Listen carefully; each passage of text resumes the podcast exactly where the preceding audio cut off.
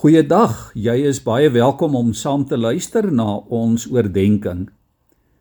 In Nehemia 1 en 2 het ons gelees dat Nehemia baie hartseer en bedruk was toe hy hoor van die toestand daar in Jerusalem en dat die koning van Persië in wie se diens Nehemia op daardie stadium was, sy ongelukkigheid raak gesien het. En dan lees ons hier in Nehemia 2.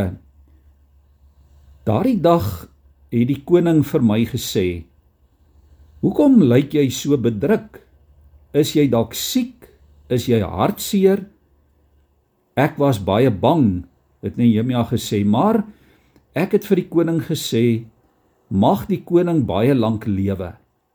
Hoe sal ek dan nie bedruk lyk as die stad waar my voorvaders begrawe is in pyn lê en sy poorte verbrand is nie.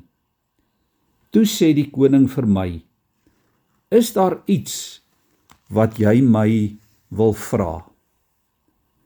Liewe vriende, die koning laat Nehemia toe uiteindelik om terug te gaan om sy mense daar in Jerusalem te gaan help. Die heidense koning was hom en sy saak goedgesind. Natuurlik speel hierdie gebeure terug na die herbou van die tempel waarvan ons in die boek Esra net voor die boek Nehemia lees. En Esra was natuurlik Nehemia se medewerker en sy tydgenoot. Ek lees hier ook in Esra hoofstuk 1. In die eerste regeringsjaar van koning Kores van Persië is die belofte vervul wat die Here by monde van Jeremia uitgespreek het. Die Here het die koning van Persië laat besluit om dwars oor sy ryk 'n proklamasie te laat afkondig. Die proklamasie het soos volg gelei: Koning Kores van Persië maak bekend: Die Here, die God van die hemel, het al die koninkryke van die aarde aan my gegee. En hy het my beveel om vir hom 'n tempel in Jerusalem in Juda te bou. Enige iemand onder julle wat aan sy volk behoort, mag sy God by hom wees. Hy mag na Jerusalem in Juda toe gaan en die tempel gaan bou vir die Here, die God van Israel. Hy is God in Jerusalem. Liewe vriende, wanneer ons hierdie geskiedenis lees, dan verstom dit my elke keer hoe dat die Here werk. Die Here werk op verskillende maniere. Die Here gebruik selfs heidense konings om sy plan tot uitvoer te bring. Die koning se opdrag om die tempel in die stad te herbou is eintlik God se opdrag. Ja God werk ook deur mense waarvan ons dalk dink dat hy hulle nooit sal kan gebruik nie. Natuurlik het Nehemia ook spesifiek daarvoor gebid.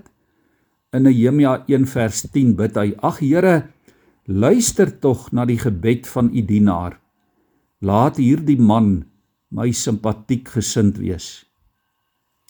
Vriende, jy en ek leef in uitdagende tye. Daar is soveel gebrokenheid rondom ons wat herstel moet word.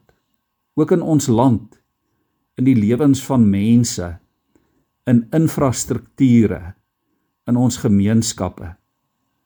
En jy en ek moet spesifiek bid dat God die harte van leiers en almal wat in gesagsposisies is op verskillende regeringsvlakke sal aanraak en sal verander sodat herstel kan plaasvind tot die eer van God. Ons word geroep om daarvoor te bid. Kom ons buig ons ons hoofde in gebed voor die Here. Here, ons bely vandag dat as ons rondom ons kyk, Here, is daar soveel chaos, soveel elende en gebrokenheid oral rondom ons. Here, ons gebed vandag is verander asseblief die harte en die lewens van ons land se leiers ten goeie. Here laat almal in gesagsposisies eerlike, afhanklike, goedgesinde medewerkers word ter wille van die eer van U naam. Amen.